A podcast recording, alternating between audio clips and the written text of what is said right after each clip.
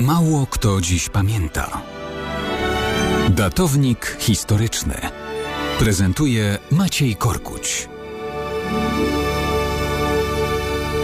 Kto dziś pamięta, że 19 listopada 1634 roku minęło równe 5 dni od 20 urodzin polskiego królewicza Aleksandra Karola z rodu Wazów. Niestety nie był to przyjemny dzień dla królewskiej rodziny. Aleksander Karol był siódmym, najmłodszym synem króla Polski Zygmunta III Wazy. Był on żonaty dwukrotnie. Z Anną Habsburżanką Zygmunt miał czworo dzieci. Pierwsza była Anna Maria, która zmarła w wieku lat siedmiu. Druga, Katarzyna, zmarła jako niemowlę wkrótce po porodzie. Trzeci był królewicz Władysław, przyszły król Polski. Kolejna córka, także Katarzyna, zmarła jako niemowlę, podobnie jak kolejny syn Krzysztof. Tyle było porodów, a Władysław pozostawał jedynakiem. Co więcej, przy porodzie Krzysztofa z wykrwawienia zmarła również królowa Anna. Wdowiec Zygmunt pojął za żonę siostrę zmarłej, Konstancję Habsburżankę. Ona urodziła pięciu synów i dwie córki. Pierwszy syn z tego związku, Jan Kazimierz, zmarł jako niemowlę. Drugi, także Jan Kazimierz, żył długo i po starszym bracie Władysławie był naszym królem. Trzeci, Jan Albrecht, został później biskupem krakowskim